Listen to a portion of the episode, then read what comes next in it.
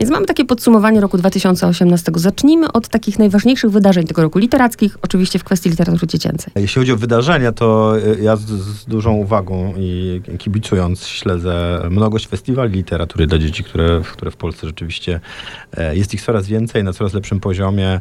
Także w małych miastach się odbywają, bo bardzo dobre imprezy e, są. Jest na przykład festiwal bardzo dobry w Opolu. Niedawno wystartował festiwal w Szczecinie. E, tak samo imprezy targowe, które są wyłącznie targami książek dla dzieci też rozwijają się w bardzo ciekawy sposób. Choćby niedawno mieliśmy w Mocaku targi książek o sztuce dla dzieci. I takie właśnie malutkie inicjatywy, często niszowe, na bardzo wysokim poziomie, też się mnożą. Więc to jest jakaś taka znacząca i bardzo widoczna cecha rynku literatury dla dzieci. Czy jest taki festiwal literatury dziecięcej, który jest taki sztandarowy? Jeśli chodzi o festiwal literatury dla dzieci nasz, to wydaje mi się, że on jest, e, mówię w sensie nasz, ten, którego jestem współorganizatorem, e, jest on o tyle e, moim zdaniem wyróżniający się, że odbywa się w czterech miastach Polski, czyli w Krakowie, Warszawie, Gdańsku. W tym roku się nie odbył w Poznaniu, w przyszłym roku mam nadzieję, że wrócimy do tej formuły czterech miast. I to jest e, cztery tygodnie, ponad 150 wydarzeń, e, dziesiątki, jeśli nie setki gości, więc w, w tym sensie jego skala jest bardzo duża. To jest największa tego typu impreza w Europie. A skoro pani pyta o nagrody, no to jakby zwieńczeniem naszego festiwalu jest, jest przyznanie nagrody za najlepszą polską książkę roku, nagrody imienia Ferdynanda Wspaniałego, która jest wręczana w Krakowie właśnie podczas gali e, kończącej festiwal. To jest coś, co nas wyróżnia, myślę, spośród innych tego typu przedsięwzięć, ale też wydaje mi się, nie ma jakiejś takiej konkurencji między organizatorami festiwali. Raczej myślę, że pomagamy sobie i dzielimy się jakimiś wrażeniami. Na pewno cieszy mnie też to, że coraz więcej nagród w literaturze dla dzieci też jest przyznawanych i to są nagrody o bardzo różnym charakterze, e, też o różnej skali atrakcyjności finansowej, tak bym to nazwał. Wymieńmy kilka Przez różne grona przyznawane. W sensie takim branżowym naj, najbardziej wyczekiwane są zawsze decyzje e, jury IBBY, które są e, ogłaszane zwykle w połowie grudnia i tutaj ta nagroda jest taka dosyć wieloraka, bo są tutaj nagrody i dla książek e, dla dzieci młodszych, i dla młodzieży, i, dla, i za ilustrację, i za działalność na rzecz krzewienia literatury dla dzieci. Są też nagrody, na przykład medala Andersena to jest nagroda jakby powiedzmy zagraniczna, ale też wybierane są książki z poszczególnych krajów i to jest, to jest bardzo, bardzo istotne wydarzenie. Jest nagroda Koziołka Matołka. Jest, jest trochę tych przedsięwzięć powstają nowe i to, i to jest moim zdaniem bardzo w porządku, bo to też różne są te grona jurorskie, różne książki wygrywają. To też nie jest tak, że jeden tytuł zgarnia wszystkie nagrody. Dzięki temu promowanie tych najbardziej wartościowych e, książek no, ma większą skalę. Gdyby subiektywnie, dla Pana najlepszych, najbardziej wartościowych książek 2018 roku dla dzieci? No cóż, myślę, że e, warto zwrócić uwagę na komiks. I tutaj, jeśli chodzi o, e, o komiks w Polsce, on rozwija się bardzo mocno i tutaj nowa książka Marcina Podolca to jest coś, na co moim zdaniem warto zwrócić uwagę. Na pewno nowa, nowa książka Marcina Szczygielskiego, bardzo popularnego autora, Leo i Czerwony Automat. Świetna rzecz.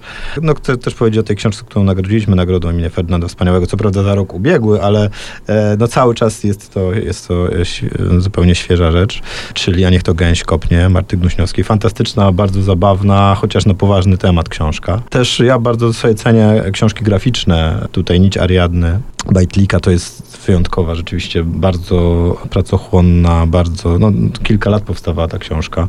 Picture Book na temat mitologii greckiej. Na pozór wydawałoby się zupełnie szalony pomysł, jeszcze dla dzieci, e, a wyszła e, z tego przepiękna książka, która myślę będzie przez, z nami przez lata i, i też e, myślę, że mm, no, osiągnie sukces międzynarodowy na pewno. Warto też wspomnieć o, o na przykład o książce Michała Rusinka, Jaki znak twój i tutaj tą jego dyskusją z klasycznym wierszem Bełzy na temat współczesnego patriotyzmu, postaw obywatelskich. To jest bardzo e, ciekawe spojrzenie, też dobra warsztatowa książka, bardzo ciekawy pomysł i myślę, że też zostanie z nami ta książka na dłużej. I nie wiem, czy pan się ze mną zgodzi, ta literatura dziecięca to jest to jest śmietnik, przepraszam, że tak powiem. Czy pan się ze mną zgodzi, że tak jest? E, nie używam tego słowa, natomiast jest na pewno bardzo duże bogactwo tytułów. Jest mnóstwo rzeczy rzeczywiście bardzo niskiej jakości wydawanych, no po prostu z takim myśleniem rynkowym o książce. To, o czym pani mówi, e, nie jest wyłącznie pani rozterką, bo wiele osób, które pracują na co dzień z książką, e, nasza fundacja organizuje szkolenia i konferencje dla bibliotekarzy i nauczycieli, czyli ludzi, którzy są bardzo blisko książki dla dzieci i oni nawet często nie są w stanie dokonać wyboru tych najwłaściwszych, nie, nie chcę powiedzieć najwłaściwszych, najbardziej wartościowych naszych zdaniem, książek, ponieważ tych tytułów jest tak dużo. Wydaje mi się, że ta podaż no, jest na pewno zaletą, bo polski rynek książki dla dzieci rozwija się fantastycznie i te badania, które e, robi Biblioteka Narodowa co roku, wskazując na tragiczny stan polskiego czytelnictwa, wydaje mi się, że tutaj e, oni nie badają jednak dzieci, bo, bo książek dla dzieci jest mnóstwo, to czytelnictwo jest na znacznie wyższym poziomie, wydaje mi się, e, niż wśród dorosłych. Często można, Jeszcze można właśnie. zaobserwować to, że ludzie, dorośli, którzy nie mają czasu, pieniędzy, czy ochoty, czy zwyczaju czytać książek, nawet tego nie robiąc, wiedzą, że kupowanie książek dzieciom jest potrzebne i ważne. Na pewno jest, można powiedzieć, nadpodaż tych tytułów i często trudno, trudno wyłowić te pozycje najwartościowsze, ale tu wracamy do tego, o czym mówiliśmy na początku, czyli do nagród. Jest to jakiś, jest to jakiś wskaźnik, jakaś, jakaś taka strzałka, czy światło nakierowane na, na najlepsze książki można, są strony z tymi wszystkimi nagrodami, są też, e, są też czasopisma o książkach dla dzieci, gdzie można, gdzie można znaleźć najciekawsze recenzje przy odrobinie wysiłku można dotrzeć y, i wybrać coś e, odpowiedniego dla, dla swojego dziecka, czy też siebie, bo też jest wielu dorosłych, którzy e, uwielbiają książki dla dzieci je kolekcjonują i to jest też bardzo sympatyczna sprawa. Właśnie dlatego zapytałam o te, o, tych, o te tytuły 2018 roku, bo jak spacerowałam sobie z mikrofonem przez halę targową, kiedy były targi książki i pytałam rodziców, przeciętnych czytelników, którzy nie muszą znać się na literaturze, na jakiej zasadzie wybierają książki dla dzieci, to właśnie mówią okładka. Okładka decyduje, okładka przyciąga, a to wiadomo, z tym bywa różnie. Tak jak pan mówi, sugerować się jednak nagrodami, tak? Ale to Tak. też są grupa subiektywnie wybierających ludzi, nie? Tak, tak, można tak powiedzieć. No, jest też w Polsce grupa autorów, którzy, którzy są bardzo, bardzo popularni i każdy ich kolejny tytuł to, jest, to są nakłady rzędu kilkunastu, jeśli nie kilkudziesięciu tysięcy egzemplarzy. I też w tym roku e, wyszły książki tych autorów, którzy są bardzo popularni i to prawo serii i też to, że e, oni trzymają poziom przez, przez kolejne lata i mają rzesze czytelników, e, też jest jakimś, jakąś wskazówką, no, że nie może to być zła literatura, jeśli tak wiele osób za nią idzie. Wyszła nowa książka Andrzeja Maleszki, nowa książka Rafała Kosika, nowa książka Wojtka Widłaka, no- Nowy Pan Kuleczka. Jest tych książek e, sporo, więc można iść też za gustem innych. To są naprawdę wartościowe rzeczy dla dzieci w bardzo różnym wieku. Każda zasadzie książka nowa Marcina Szczygielskiego też jest e, wartościową pozycją. Też jest bardzo duże grono ilustratorów, którzy robią picture booki i to oni też mają swoich wiernych czytelników, jeśli może to słowo czytelnik pasuje dobrze do picture booka. Tych wskazówek można szukać e, na, na wielu polach, ale powinniśmy się tylko cieszyć, że to jest tak dobrze. Myślę, że taką ważną tendencją, o której warto by było wspomnieć, to są e, ekranizacje. Książki dla dzieci zamieniają się w obraz. E, Są to zarówno filmy animowane, jak i filmy e, nieanimowane, kinowe fabuły, czy, czy filmy odcinkowe. I to mnie też bardzo cieszy, bo przez lata było tylko to magiczne drzewo, prawda, ogromny sukces Andrzeja Maleszki, a już pojawiają się i inwestorzy, i ludzie z pomysłami, którzy, którzy kolejne książki chcą, chcą pokazywać w kinach czy w telewizjach. Mówił pan, że jest pan tatą młodym, nie wiem jak młodym, y, nie chcę być wścibska, ale pewnie się pan orientuje, jeśli chodzi o lektury szkolne. I kiedy rozmawiałam z Rafałem Kosikiem, który, no myślę, że ma niezły ubaw z tego, że jego książka znalazła się na liście tak, lektur, zdecydowanie. Prosił nawet nauczycieli, żeby błagał, żeby nie robili, y, bo tam jest tyle szczegółów w tej książce, że jakby zrobić taki test, to sam Rafał Kosik by leżał i nie odpowiedział Tak, na te tak. pytania. Właśnie Maleszka czy, czy Kosik, reszta tych lektur. No właśnie chciałabym zapytać też o pana zdanie. Czy ta, jeśli pan oczywiście się orientuje, lepiej jest, jeśli, jeśli chodzi o dobieranie literatury w szkole dla dzieci? Ten nowy kanon, który e, jest e, i jeśli pani pyta o moją orientację na ten temat, to akurat moje dzieci są już po okresie lekturowym gimnazjalno-podstawówkowym, natomiast moja najmłodsza córka Gaja ma zaledwie dwa lata, więc ten kanon współczesny, nie znam go z autopsji, tylko z, z listy, którą czytałem w prasie. Zgadzam się z, z dużą częścią zarzutów pod jego adresem.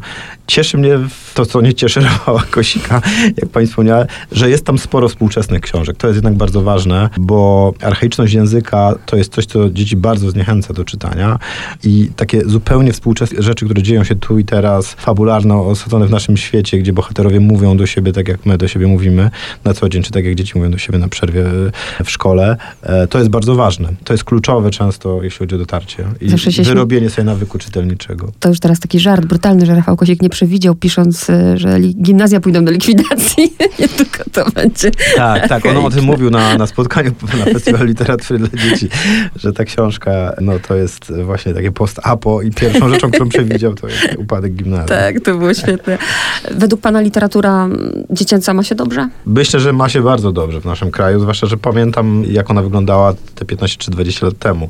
To jest ogromny skok do przodu, który wykonali autorzy, ilustratorzy, wydawcy i bardzo się cieszę, że tak to, tak to się rozwija. I też się cieszę, że ta polska literatura zdobywa rynki zagraniczne i jest bardzo mocno obecna w wielu krajach, e, czasem bardzo odległych, bo polscy autorzy święcą triumfy i w, i w Chinach, i w Korei, i w Ameryce Południowej, a też e, warto wspomnieć o ogromnej popularności, e, zwłaszcza na przykład e, Andrzeja Maleszki, Grześka Kazdepkę czy, czy Rafała Kosika, na przykład na, w Rosji albo na Ukrainie. Tam tej książki są w zasadzie od razu tłumaczone i to są autorzy bardzo popularni. Co mnie cieszy, tak już mówię prywatnie, że pojawiło się, nie wiem, może to się pojawiło wcześniej, ja to teraz zauważyłam dopiero, bo od zawsze uważam, że podstawowym przedmiotem w szkole to powinna być nauka emocji, bo tego się uczymy dopiero na stare lata, że się właśnie pojawia Wielka Księga Emocji, że chociażby w najnowszej książce, a niech to gęś kopnie, że właśnie mówi się tak, o, tych, tak, tak. o tych sprawach, z którymi my dorośli mamy kłopot. Mhm.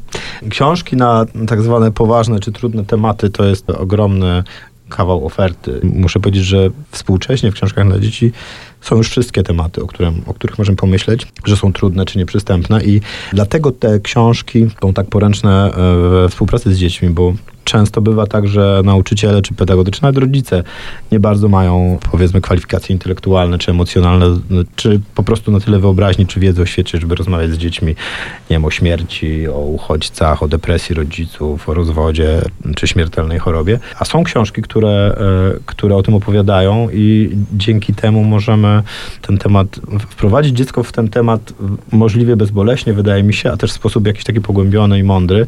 Więc jeśli sami mamy ciarki przy takich rozmowach, czy czujemy się niezręcznie, to wtedy tego typu literatura przyjdzie nam z pomocą na pewno. A teraz, gdybyśmy otworzyli rok 2019, są wydarzenia, o których, na które czekamy, o których warto powiedzieć? Jeszcze nie wszystko wiadomo. No ja oczywiście czekam na Festiwal Literatury dla Dzieci i tą jego edycję, zarówno wiosenną, jak i jesienną, która mam nadzieję odbędzie się w Poznaniu. To będzie koniec maja i początek czerwca i tutaj zapraszam serdecznie wszystkich słuchaczy na, e, na wydarzenia festiwalowe. Ma być kilka ciekawych nowości, o, o których jeszcze nie wszyscy chcą mówić zupełnie oficjalnie, ale sporo nowych, ciekawych książek się zapowiada E, też kontynuacji. E, kilka ciekawych rzeczy komiksowych e, ma też się pojawić. To jest coś, o czym już chyba mówiłem wcześniej, ale bardzo leży mi na sercu rozwój rynku, rynku tego komiksowego i cieszę się też, że duży wydawcy, nie tylko Kultura Gniewu, która zawsze tam walczyła w undergroundzie, żeby, żeby ten komiks dla dzieci wydawać, ale też już duzi wydawcy sięgają po te tytuły, jest ich bardzo dużo. Czy Gaja dostała pod choinkę książkę? Tak, oczywiście. Jaką? I to nie Powiedzmy chociaż tytuł jakiś. Dostała między innymi na przykład serię książek o Puciu. To jest bardzo popularny bohater wśród takich małych dzieci. Zresztą to też nie wspominaliśmy o tym, ale to jest bardzo fajna i ciekawa rzecz, że powstają książki dla dzieci bardzo małych. Są książki, co pewnie wielu z Państwa wyda się zupełnie niewiarygodne, dla dzieci, które mają na przykład trzy tygodnie czy cztery. Tutaj tytuł Japończyka, który nazywa się Kumagata, wychodzą na polskim rynku od kilku lat i książki dla takich bardzo małych dzieci, jak właśnie seria o Puciu, Kumagata, książki Herwatuleta czy Jonny Bartosik. To są rzeczy dla dzieci poniżej roku, poniżej dwóch lat i naprawdę jest mnóstwo zabawy przy tych książkach. Dzieci czasem lepiej się bawią niż dorośli, bo rzeczywiście te książki dla takich miesięcznych dzieci wydają się zupełnie absurdalne i pozbawione jakiegokolwiek sensu, a dzieci reagują na to i to są książki, które warto też, warto zaczynać tak wcześnie. Pada pytanie, kiedy zaczynać, to już wtedy, mając miesiąc.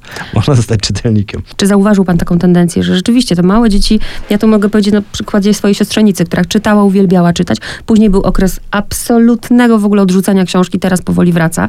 Nawet czyta Kwowadis szacunek. Mm. Ja w jej wieku to nie przeczytałam Kwowadis zdecydowanie. Ale właśnie co powoduje, że w tym pewnym momencie odwracamy się od czytania? Powodują inne możliwości i atrakcje, które niesie nam, nam życie. To y, pani przeczucie ma swoje odbicie w badaniach, że dzieci dwunastoletnie, zwłaszcza chłopcy, y, odchodzą od literatury często na zawsze już. Y, czasem powracają w wieku późniejszym, licealnym. Wydaje mi się, że to wynika jakby z, z naturalnego stanu rzeczy i tego, że codzienność oferuje tyle innych atrakcji. Pojawiają się gry komputerowe, pojawia się sport, pojawiają się jakieś atrakcje towarzyskie. No to odciąga od literatury bo też tą literaturę znają długo, właśnie czasem od, od bardzo młodego wieku, a w pewnym momencie jest dostępność bardzo wielu innych atrakcji, które no, są po prostu nowe też. No, no i wtedy rzeczywiście jest tąpnięcie. Warto o tym pomyśleć i zadbać w jakiś taki systemowy sposób. I na sam koniec e, nie poproszę o życzenia noworoczne, ale słuchają nas rodzice z pewnością. Jak wytresować smyka, słuchają rodzice. Chcą go właśnie wytresować i mówią, poszedłbyś czytać, lektura czeka. No oczywiście, kiedy dziecko słyszy takie hasła, to na pewno pójdzie czytać. Więc jakie takie rady by pan dał rodzicowi, żeby nie zniechęcić tym gadaniem jeszcze dziecka do czytania? Jak zachęcić? Czytajcie sobie razem jak najwięcej i jak najdłużej, bo tak naprawdę dzieci, które już czytają, są w pierwszej czy drugiej klasie, to wspólne czytanie, czytanie na głos też sprawia im ogromną frajdę. Często się pozostawia te dzieci już, które umieją czytać, to już tam brać sobie sam, prawda? Masz tu książkę, idź do pokoju i czytaj. I to jest błąd, bo, bo znacznie e, łatwiej dotrzeć z książką do dziecka i też jest to po prostu e, wspólna, sympatyczna chwila czułości między rodzicami, e, między rodzicem a dzieckiem, spędzanie takiego czasu przy książce.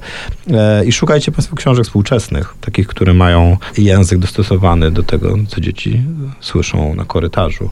Polska klasyka ma tę trudność, że nie ulega tłumaczeniom współczesnym, ale klasyka światowa jest tłumaczona też co jakiś czas na nowo i, tu, i tutaj też można sięgnąć po książki, które się czytało jako dziecko, a są teraz w nowych tłumaczeniach i, i w ten sposób próbować podejść młodego czytelnika i zachęcić